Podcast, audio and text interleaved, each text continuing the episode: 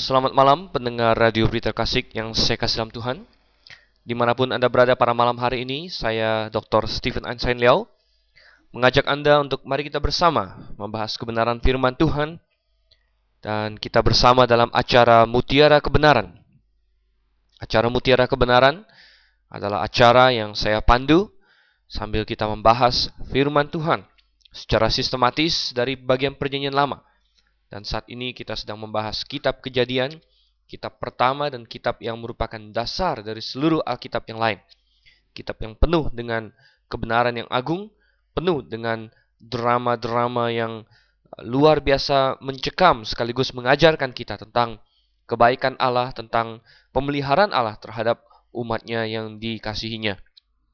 Saudara yang kasih Tuhan, kita sudah melewati sekitar 49 pasal kejadian dalam pembahasan kita selama ini.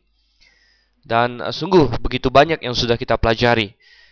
Malam hari ini kita sudah sampai ke dalam kejadian pasalnya yang ke-50.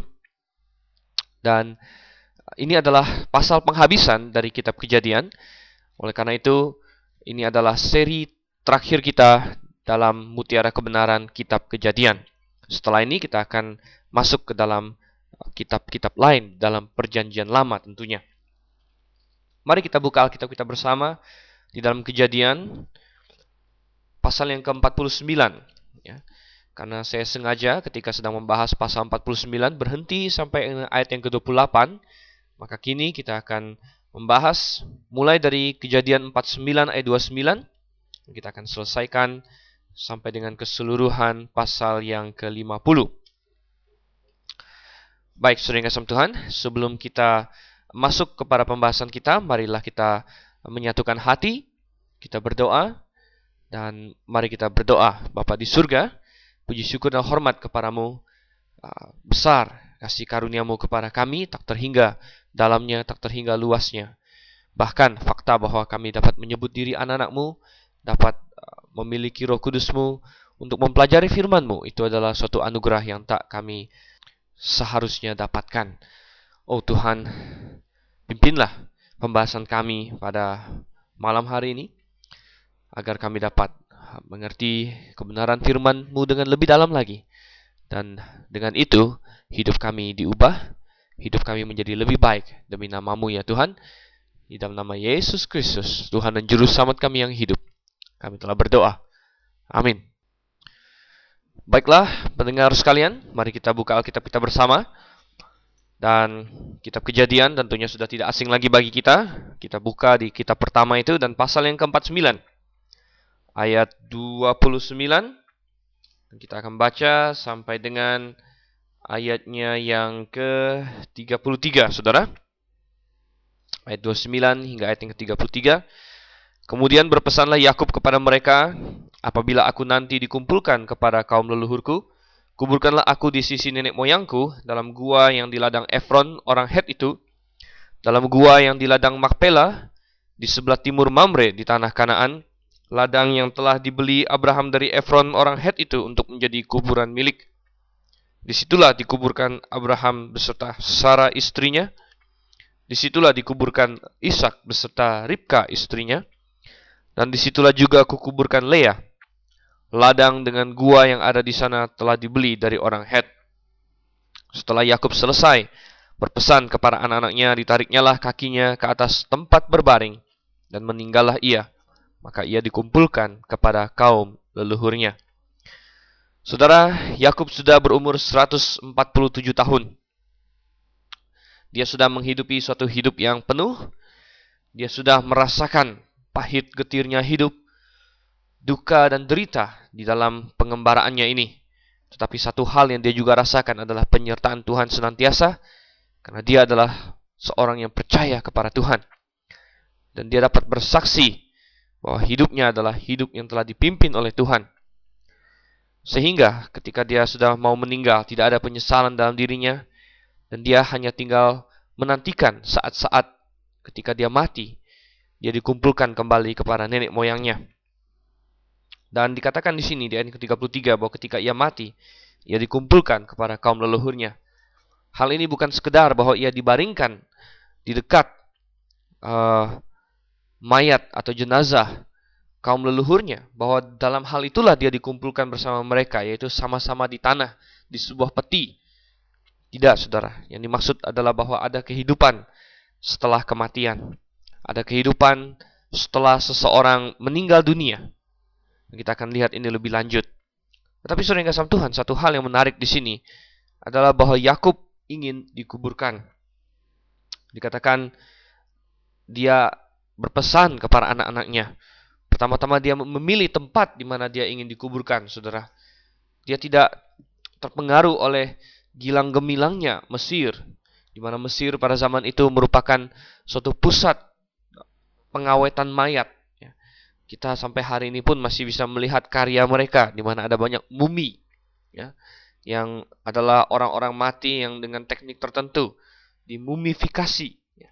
diberikan rempah-rempah dan dilewatkan suatu proses tertentu sehingga mayat atau jenazah itu tahan berada di luar sampai waktu yang lama sekali.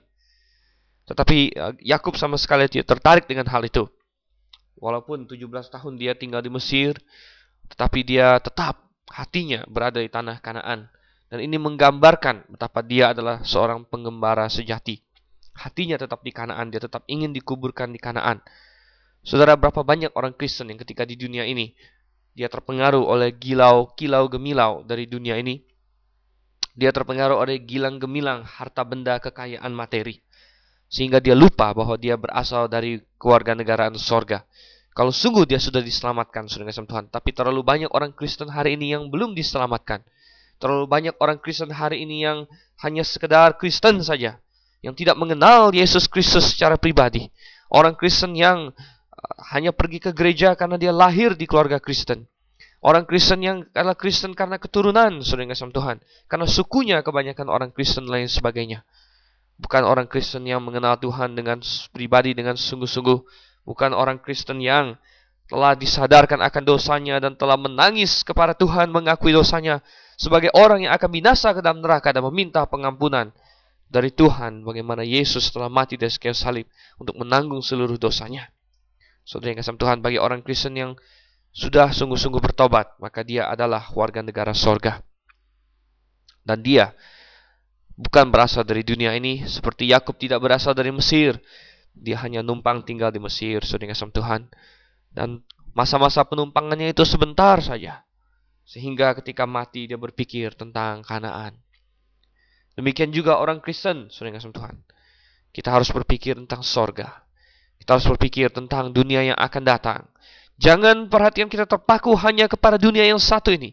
Dunia yang menurut firman Tuhan akan berlalu dan segala yang ada di dalamnya. Dunia yang menurut Tuhan akan binasa, saudara kasih Tuhan. Jikalau Anda terlalu berfokus kepada dunia ini, jikalau Anda terlalu mencurahkan perhatian tenaga Anda seluruhnya hanya kepada dunia yang satu ini yang akan hilang begitu saja, lenyap di telan zaman sering asam Tuhan, maka betapa Anda akan menggigit jari, betapa Anda akan kecewa ketika dunia ini dan segala harta yang sudah Anda tumpuk di dalamnya, segala materi, uang, properti, tanah, mobil, Oh, entah apa lagi sering Tuhan emas, perhiasan yang telah Anda kumpulkan setengah mati sambil Anda melupakan Tuhan. Akhirnya harus hancur binasa. Tuhan bilang ngengat dan karat merusakkannya. Inflasi menurunkan nilainya. Huru hara merusakkan semuanya. Banjir akan menggerogotinya. Oh, sering Tuhan. Dan kalaupun benda-benda itu bertahan. Tetapi nanti suatu hari Tuhan akan menghancurkan. Karena di dalam 2 Petrus dikatakan akan datang waktunya langit dan bumi akan lebur dalam unsur-unsur api. Dan Tuhan akan menciptakan langit dan bumi yang baru. Di manakah pengharapan Anda pada hari ini? Yakub Yakub tidak terpengaruh oleh Mesir, saudara. Dia kembali kepada Kanaan. Aku, aku harus kembali ke Kanaan. Itu adalah tanah yang Tuhan berikan kepadaku. Itu adalah tanah yang Tuhan telah janjikan kepada Abraham nenekku, kepada Ishak ayahku dan kepadaku dan kepada anak cucuku. Ia ingin dikuburkan di sana. Tapi menarik sekali bahwa Yakub ingin dikuburkan dan bukan ingin dibakar, saudara.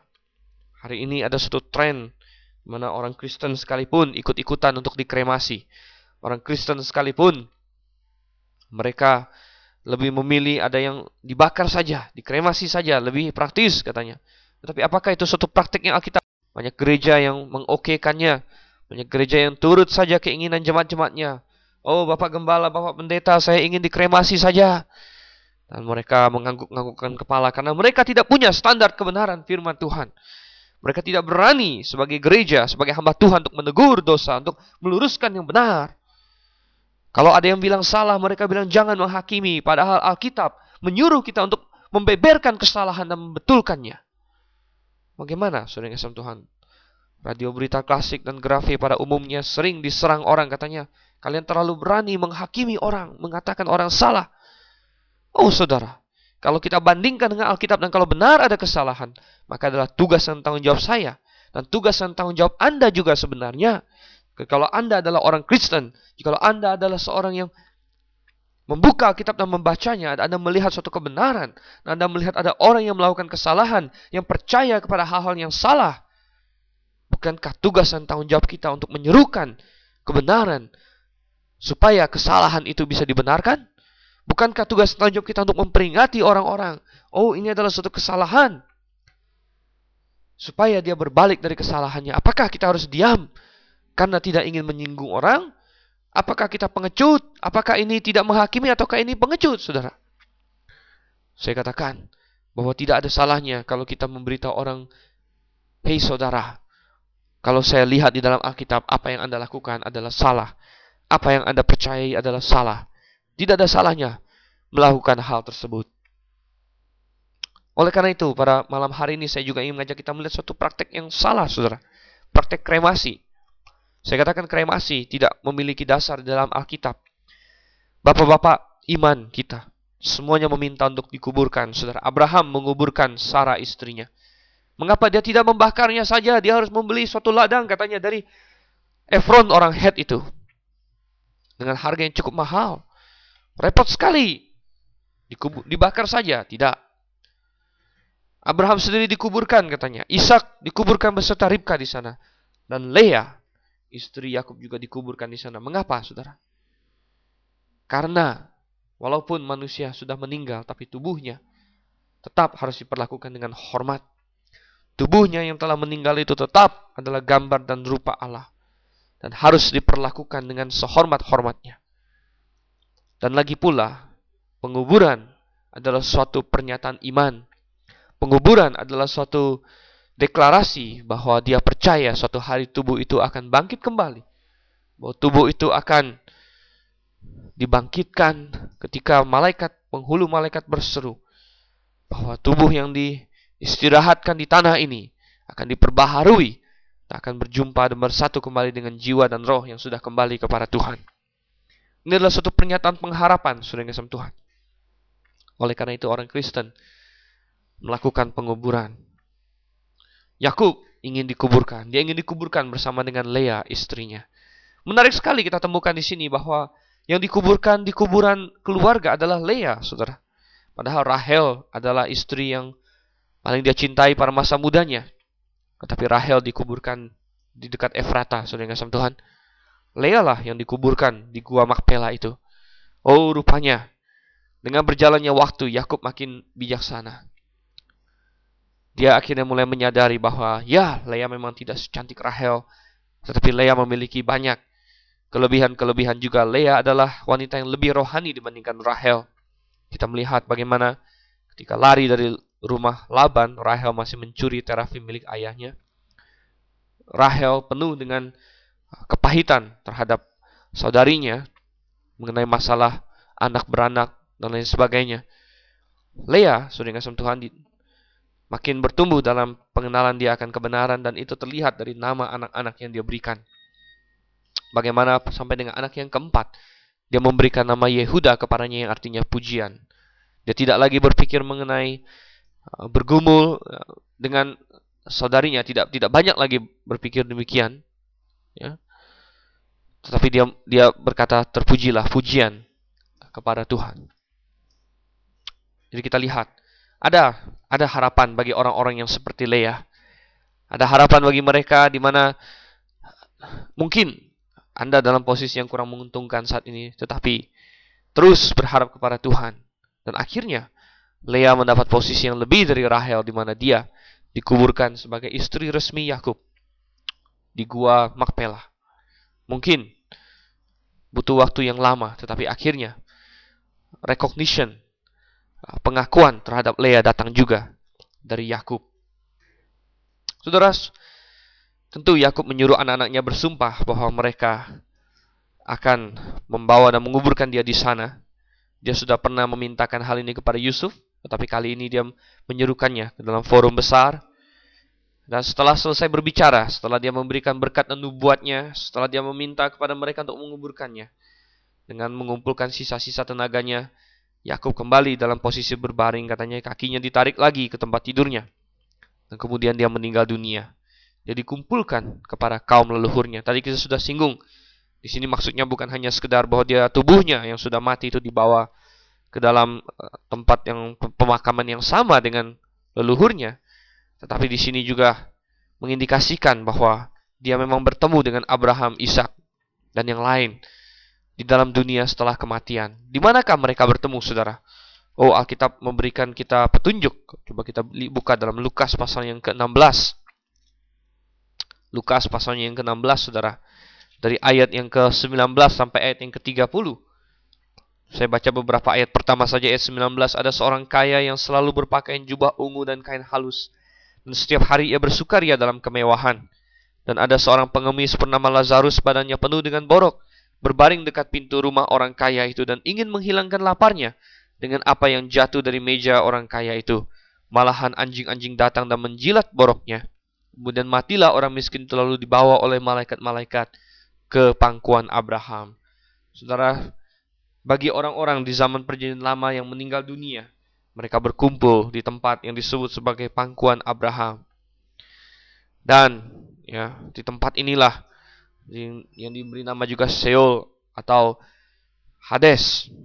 Di tempat inilah orang-orang dibagi menjadi dua. Ada bagian yang menderita. Kalau Anda baca terus, di mana orang kaya ini masuk tempat di mana ada api yang panas yang dipisahkan oleh suatu jurang yang tak ada Hades bagian yang enak yang disebut sebagai pangkuan Abraham di mana orang-orang percaya tinggal di situ.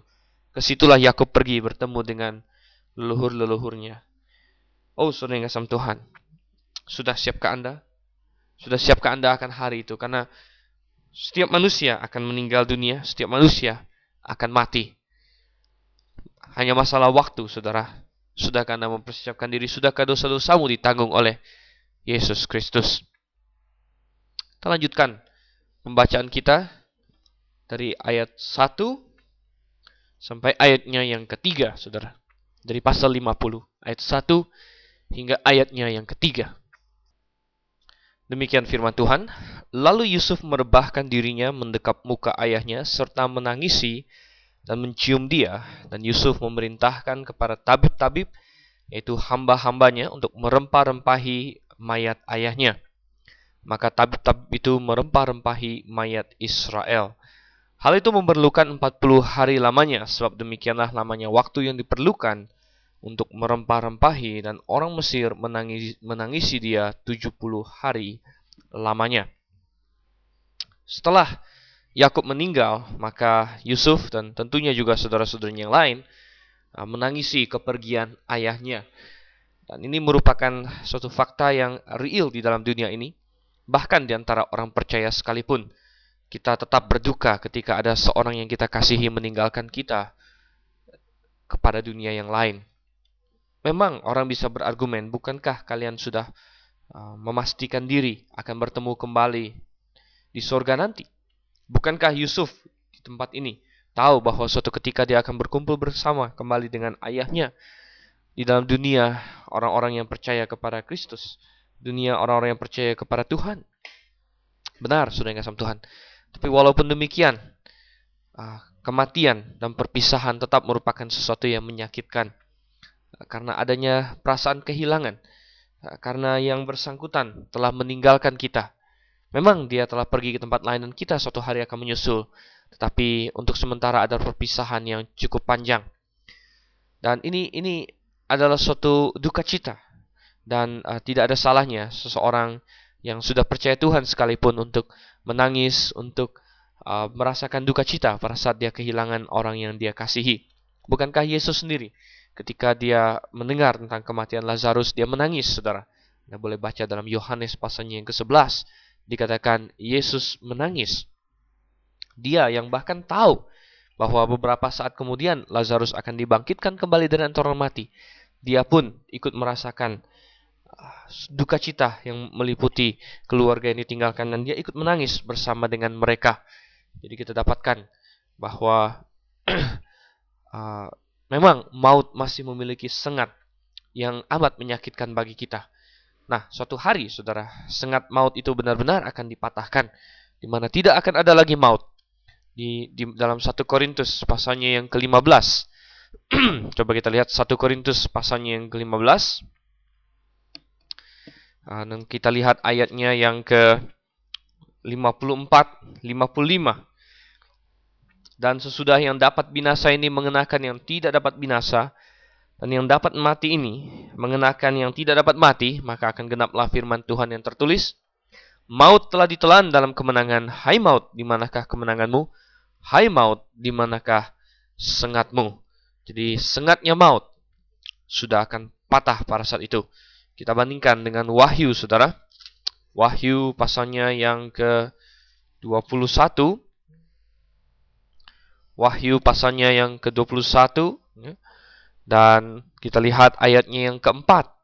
Di situ dikatakan, dan ia akan menghapus segala air mata dari mata mereka, dan maut tidak akan ada lagi. Tidak akan ada lagi perkabungan atau ratap tangis atau duka cita, sebab segala sesuatu yang lama itu telah berlalu. Anda bisa membayangkan dunia tanpa kematian? Kematian sudah menjadi bagian yang begitu integral dalam dunia kita yang satu ini. Kita mungkin sulit membayangkan suatu dunia tanpa kematian.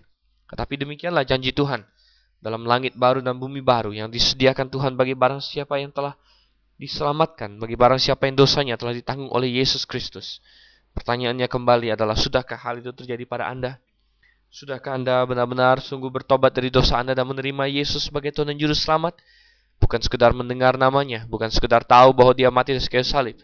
Tahu berbeda dari menerima, saudara. Tahu berbeda dengan beriman tahu tentang Yesus, tahu bisa menjawab semua pertanyaan soal ujian tentang Yesus Kristus, berbeda dengan sungguh-sungguh bertobat, beriman penuh kepadanya menerima dia sebagai Tuhan dan Juru Selamat. Sudahkah itu Anda lakukan? Kalau belum, Anda menuju ke neraka. Tapi kalau sudah, oh betapa sukacitanya masa depan Anda. Di mana di langit baru dan bumi baru nanti, katanya. Tidak akan ada ratap tangis, tidak akan ada duka cita. Anda bisa membayangkan suatu dunia yang tanpa duka cita? Terus terang, uh, saya masih belum bisa membayangkannya. Karena dunia kita saat ini penuh dengan duka cita, penuh dengan ratap tangis. Dan itu membuat pengharapan kita semakin manis, semakin begitu menggoda bagi kita. Bahwa suatu hari nanti akan ada dunia yang tanpa maut, tanpa ratap tangis, tanpa duka cita. Dan untuk sementara ini kita masih di dunia ini. Mari kita bekerja sebaik-baiknya agar orang-orang yang belum mengenal Tuhan dapat mengenalnya dan dapat ikut bersama dengan kita ke dunia seperti itu. Kita lihat kembali ayat yang keempat sudah yang Tuhan sampai dengan ayatnya yang keenam dari dalam kejadian pasal 50 ayat yang keempat sampai ayat yang keenam dikatakan setelah lewat hari-hari penangisan itu berkatalah Yusuf kepada seisi istana Firaun jika kiranya aku mendapat kasihmu katakanlah kepada Firaun bahwa ayahku telah menyuruh aku bersumpah katanya tidak lama lagi aku akan mati dalam kuburku yang telah kugali di tanah Kanaan. Di situlah kau kuburkan aku. Oleh sebab itu izinkanlah aku pergi ke sana supaya aku menguburkan ayahku. Kemudian aku akan kembali. Lalu berkatalah Firaun, pergilah ke sana dan kuburkanlah ayahmu itu seperti yang telah disuruhnya engkau bersumpah. Kita dapatkan di sini bahwa segera sesudah kematiannya maka anak-anak Israel bertekad untuk melakukan seperti yang diinginkan ayahnya, yaitu menguburkan dia di tanah Kanaan. Tetapi hal ini sebenarnya adalah hal yang cukup pelik, ya. Uh, lebih mudah diucapkan daripada dilakukan. Demikianlah adanya. Mungkin uh, setelah 17 tahun Yakub berada di Mesir, ya, dan tentu kelaparan sudah lama berlalu, ya. Sebagian orang Israel atau anak-anak Israel berpikir inilah waktu yang tepat untuk kembali ke tanah Mesir, eh, ke tanah Kanaan, saudara. Dan mungkin, inilah momen yang tepat sekaligus mereka pulang membawa uh, mayat ayahnya, menguburkannya dan langsung menetap di Kanaan lagi. Mungkin ada yang berpikir demikian. Tetapi uh, sebenarnya hal ini tidak mudah ya. Rupanya selama 17 tahun ini orang-orang Israel telah menjadi bagian yang integral dari ekonomi Mesir itu sendiri. Dan tentunya uh, orang Mesir sangat tidak suka untuk melihat kepergian mereka. Dan Yusuf sendiri sudah menjadi seorang yang sangat dibutuhkan oleh Firaun. Oleh karena itu Firaun tidak akan membiarkan dia pergi begitu saja. Jadi lagi pula ada berbagai nubuatan dalam Alkitab ya, nubuatan kepada Abraham bahwa orang Israel akan lama berada di tanah asing dan uh, mungkin akhirnya semua orang melihat bahwa adalah kehendak Tuhan untuk sementara waktu mereka berada di Mesir dan mereka hanya perlu untuk menguburkan ayah mereka Yakub. Oleh karena itu Yusuf dengan diplomasi ya mendapatkan support dari seluruh istana Firaun untuk memohonkan kepada Firaun agar mereka boleh pergi dan menguburkan ayahnya. Perhatikan Yusuf menambahkan kata-kata kemudian aku akan kembali dalam akhir ayat yang kelima. Hal ini tentunya untuk Uh, menenangkan Firaun bahwa dia akan kembali. Dan dari sini kita mendapat indikasi bahwa Firaun sangat takut kehilangan Yakub, uh, kehilangan Yusuf dengan uh, kemampuan administrasinya yang begitu tinggi.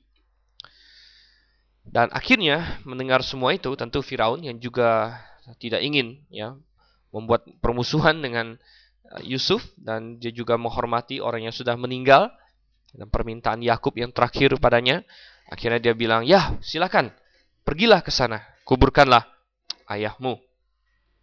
Kita baca sekarang dari ayatnya yang ke-7 sampai ayatnya yang ke-9. Ayat 7 hingga yang ke-9. Lalu berjalanlah Yusuf ke sana untuk menguburkan ayahnya dan bersama-sama dengan dia berjalanlah semua pegawai Firaun, para tua-tua dari istananya dan semua tua-tua dari tanah Mesir. Serta seisi rumah Yusuf juga, saudara-saudaranya dan seisi rumah ayahnya. Hanya anak-anaknya serta kambing domba dan lembu sapinya ditinggalkan mereka di tanah Goshen. Baik kereta maupun orang-orang berkuda turut pergi ke sana bersama-sama dengan dia, sehingga iring-iringan itu sangat besar. Jadi kita lihat di sini uh, mereka pergi, ya, dan bukan hanya keluarga Yusuf rupanya yang pergi, tetapi juga pegawai-pegawai Firaun katanya. Tidak dikatakan bahwa Firaun ikut bersama dengan mereka, Ya, hanya dikatakan semua pegawai Firaun katanya ya, para tua-tua dari istananya dan semua tua-tua tanah Mesir. Nah, mungkin Firaun sendiri uh, tidak ikut karena ada tradisi mungkin ya bahwa dia tidak tidak bisa ikut.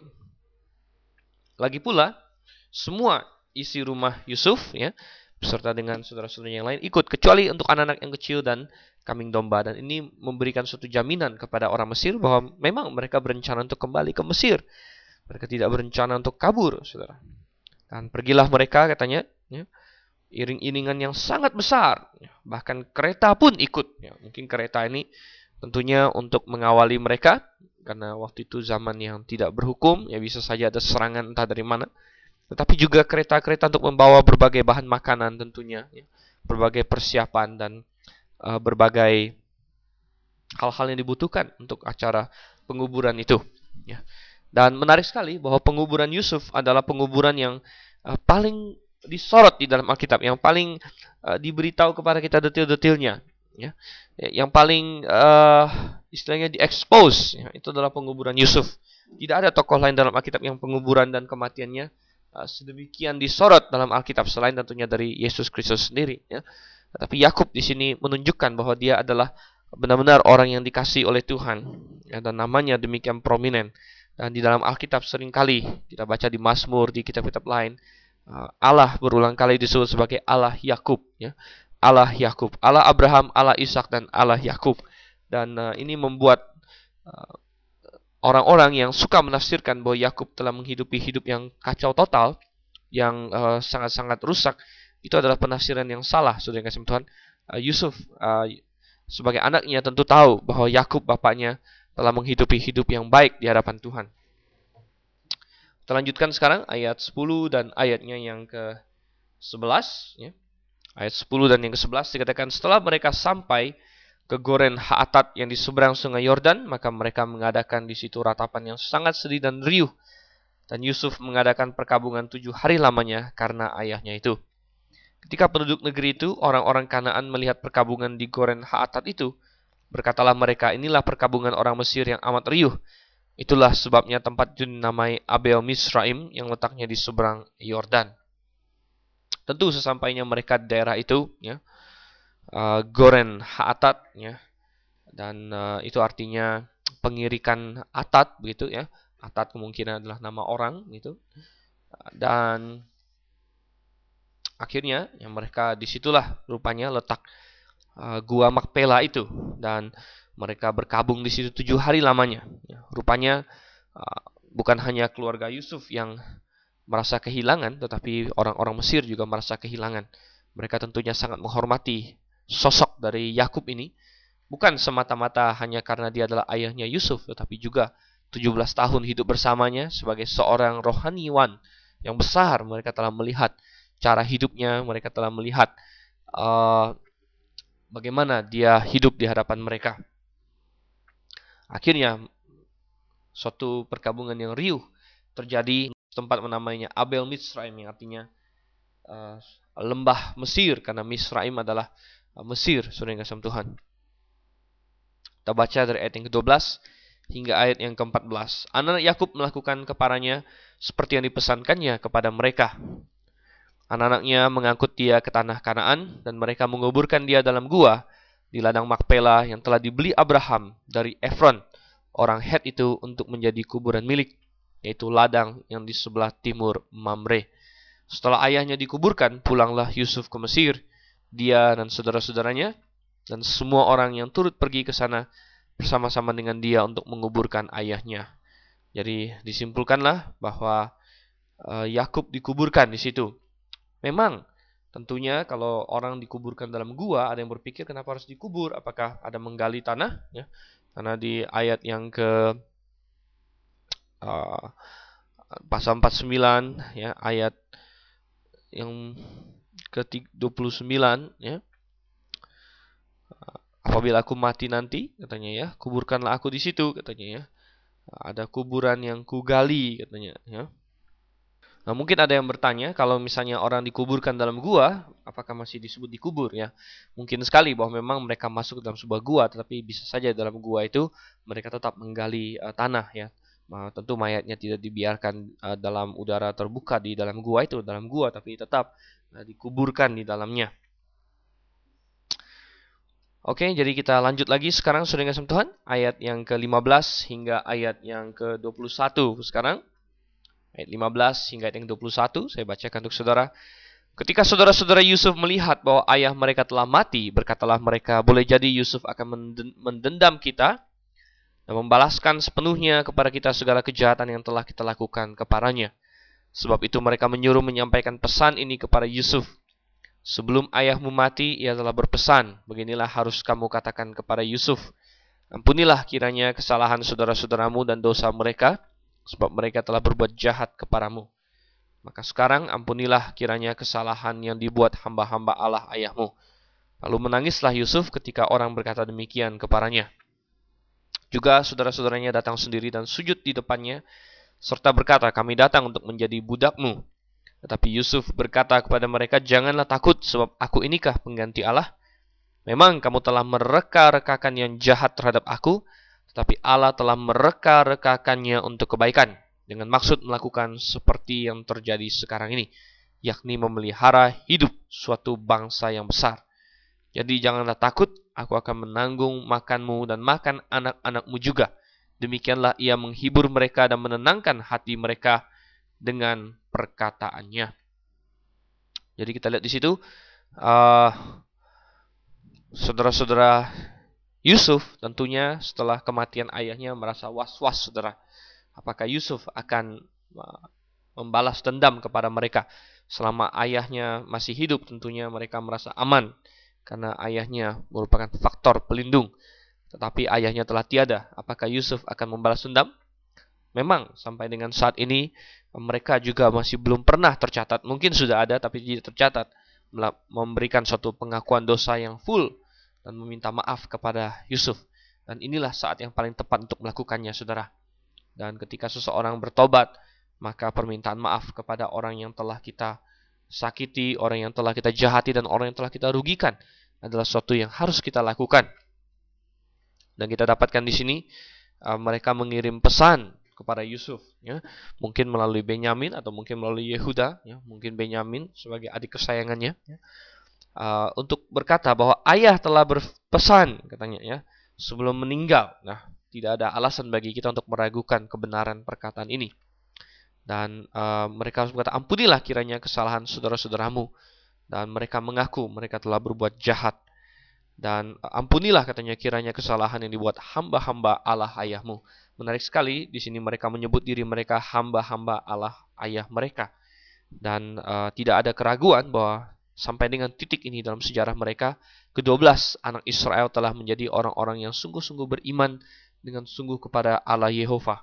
Dan bahwa mereka telah belajar dari kesalahan-kesalahan di masa muda mereka, bahwa mereka masing-masing adalah orang yang memiliki iman, dan mereka menyebut diri mereka hamba-hamba Allah ayahmu. Dan sering kesem Tuhan mendengar pesan yang sedemikian dari saudara-saudaranya. Yusuf sangat terharu sekali. Sebenarnya dia sudah sejak lama memaafkan mereka. Bahkan sebelum ayahnya pindah ke Mesir, kita melihat dari tindakan-tindakan dia. Tidak ada suatu keinginan untuk membalas dendam kepada mereka. Bukan saja karena Uh, Yusuf memang sudah maafkan mereka, tapi dia juga takut kepada Allah. Karena betapa luar biasanya Allah telah memimpin keluarga mereka melalui tindakan kakak-kakaknya menjual dia. Haruskah dia kali ini membalas dendam sedemikian rupa? Dan uh, saudara-saudaranya telah menunjukkan pertobatan yang sejati, di mana mereka sudah secara resmi minta maaf kepadanya, bahkan menghambakan diri kepadanya kepadanya. Ya, mereka datang ramai-ramai dan berkata bahwa mereka rela menjadi hambanya. Sebagaimana mereka telah pernah menjual Yusuf ke dalam perbudakan, maka orang yang bersalah kepada orang merugikan orang harus siap untuk mengganti rugi itu. Dan mereka uh, ingin mengganti rugi sebagaimana mereka tahu caranya. Dan satu-satunya cara yang mereka pikirkan yang terbaik adalah menghambakan diri kepada Yusuf. Tetapi Yusuf kita lihat di sini menggambarkan Yesus Kristus dan uh, gambaran ini mirip sekali di mana saudara-saudaranya ya, mengakui dosa mereka dan menghambakan diri kepadanya tetapi Yusuf penuh kasih karunia tidak memperhitungkan kesalahan mereka itu. Bukankah ini gambaran yang benar dengan Yesus Kristus? Di mana nanti suatu hari saudara semua orang dan orang-orang yang beriman terutama akan menyadari dosa mereka. Dan mereka akan datang kepada dia yang telah mati di kayu salib. Dan orang-orang Israel, saudara-saudaranya sedaging juga akan menyadari bahwa mereka telah berbuat sangat salah. Mereka telah menyalibkan sang anak Allah dan mereka akan menangis dan mereka akan menghambakan diri kepadanya. Dan dia akan mengampuni mereka dan akan menyatakan dengan kasih karunia bahwa mereka diterima. Dan di ayatnya yang ke-20, di sini Yusuf merangkumkan dalam satu kalimat yang agung tema yang telah berulang-ulang kita lihat dalam kitab Kejadian Tema yang telah dimulai sejak Adam dan Hawa jatuh ke dalam dosa. Tema yang akhirnya dia rangkumkan dalam kata-kata ini ketika dia berkata, Memang kamu telah mereka-rekakan yang jahat terhadap aku, tetapi Allah telah mereka-rekakannya untuk kebaikan. Dengan maksud melakukan seperti yang terjadi sekarang ini, yakni memelihara hidup suatu bangsa yang besar. Saudara yang kasih Tuhan, eh, Yusuf sejak muda telah belajar prinsip yang didapat di dalam Roma 8 ayat 28 bahwa Allah turut bekerja dalam segala sesuatu untuk mendatangkan kebaikan bagi mereka yang mengasihi Dia. Yusuf telah belajar hal itu bahwa apa pun yang terjadi pada kita, kalau kita ada dalam kehendak Allah, kita benar di hadapannya, maka semua itu terjadi untuk kebaikan kita. Semua itu ada maksud dan rancangan Allah di dalamnya. Dan memang orang yang melakukannya bisa saja merancangkannya untuk kejahatan, saudara. Nah, tetapi kita harus percaya bahwa Allah bisa memutarbalikannya untuk kebaikan. Allah bisa membuatnya untuk menjadi sesuatu yang luar biasa indah. Yon Yusuf belajar akan hal ini. Dan kita lihat tema ini berukian. Di mana manusia gagal, manusia jahat, iblis jahat. Tetapi Allah memutarbalikkan semuanya untuk kebaikan. Di mana Allah telah turut campur tangan dalam berbagai hal dalam sejarah manusia agar kehendaknya terjadi. Mari kita mencamkan hal itu.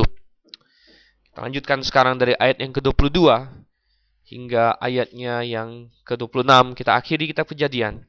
Adapun Yusuf, ia tetap tinggal di Mesir beserta kaum keluarganya Dan Yusuf hidup 110 tahun. Jadi Yusuf sempat melihat anak cucu Efraim sampai keturunan yang ketiga. Juga anak-anak Makhir, anak Manasye lahir di pangkuan Yusuf. Berkatalah Yusuf kepada saudara-saudaranya, Tidak lama lagi aku akan mati. Tentu Allah akan memperhatikan kamu dan membawa kamu keluar dari negeri ini ke negeri yang telah dijanjikannya dengan sumpah kepada Abraham, Ishak dan Yakub. Lalu Yusuf menyuruh anak-anak Israel bersumpah katanya, tentu Allah akan memperhatikan kamu. Pada waktu itu kamu harus membawa tulang-tulangku dari sini.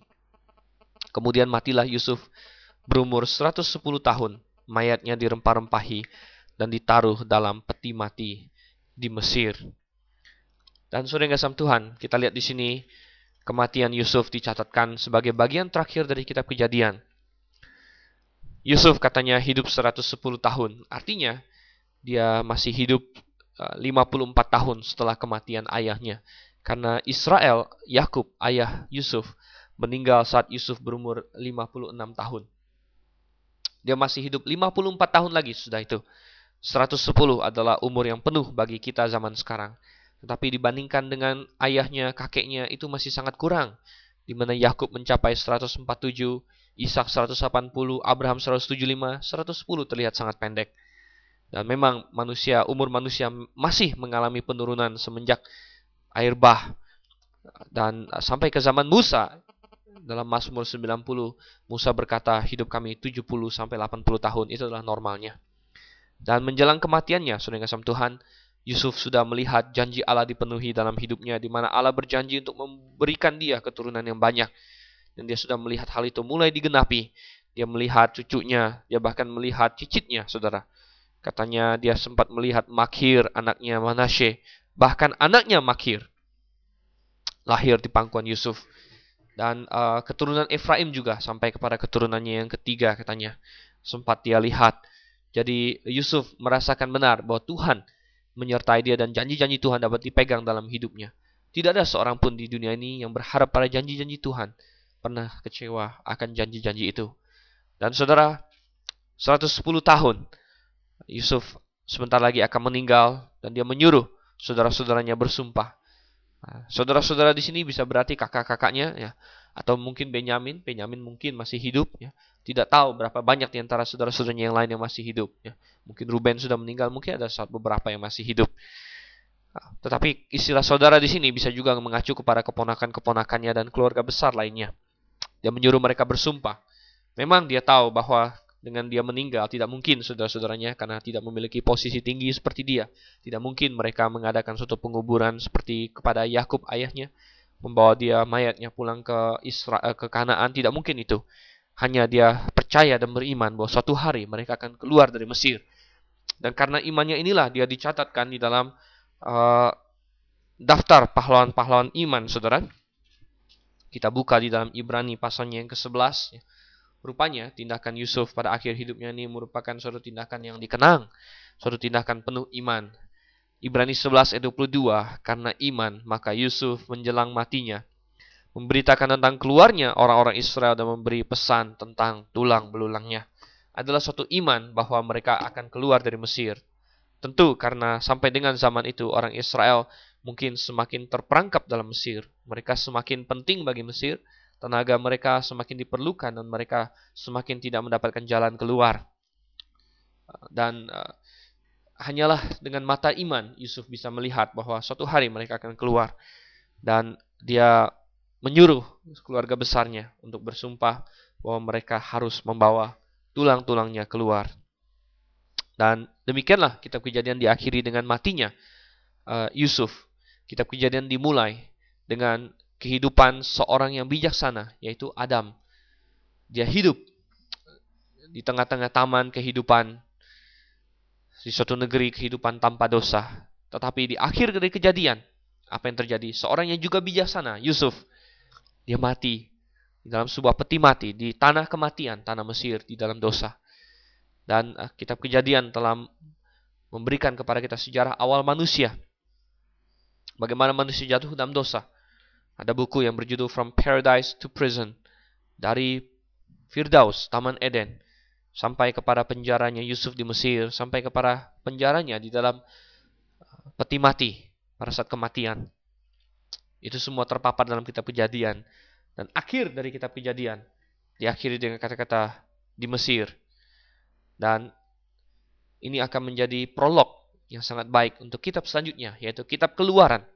Di mana kitab keluaran dimulai dengan suatu setting orang-orang Israel di Mesir. Orang-orang Israel di Mesir yang akan keluar. Jadi, kita akan lanjutkan tentunya pembahasan kita. Semoga sedemikian banyak kebenaran yang telah pendengar sekalian cermati dari kitab kejadian ini menggugah Anda tentang kebenaran-kebenaran firman Tuhan, memberikan pengertian yang lebih dalam lagi tentang penciptaan, tentang air bah, tentang kejatuhan dalam dosa, tentang menara Babel, tentang hidup empat tokoh besar di dalam kitab kejadian, yaitu Abraham, Ishak, Yakub, dan Yusuf. Dan belajar dari kesalahan dan kemenangan-kemenangan mereka. Baiklah, sampai sekian dulu. Saya menemani Anda belajar kitab kejadian. Tentunya saya berharap akan berjumpa Anda kembali tetap dalam acara Mutiara Kebenaran di mana kita membahas kebenaran-kebenaran Alkitab dalam kitab yang lain, Saudara. Saya nantikan Anda, saya nantikan kita bersama dalam acara Mutiara Kebenaran selanjutnya. Selamat malam, Maranatha.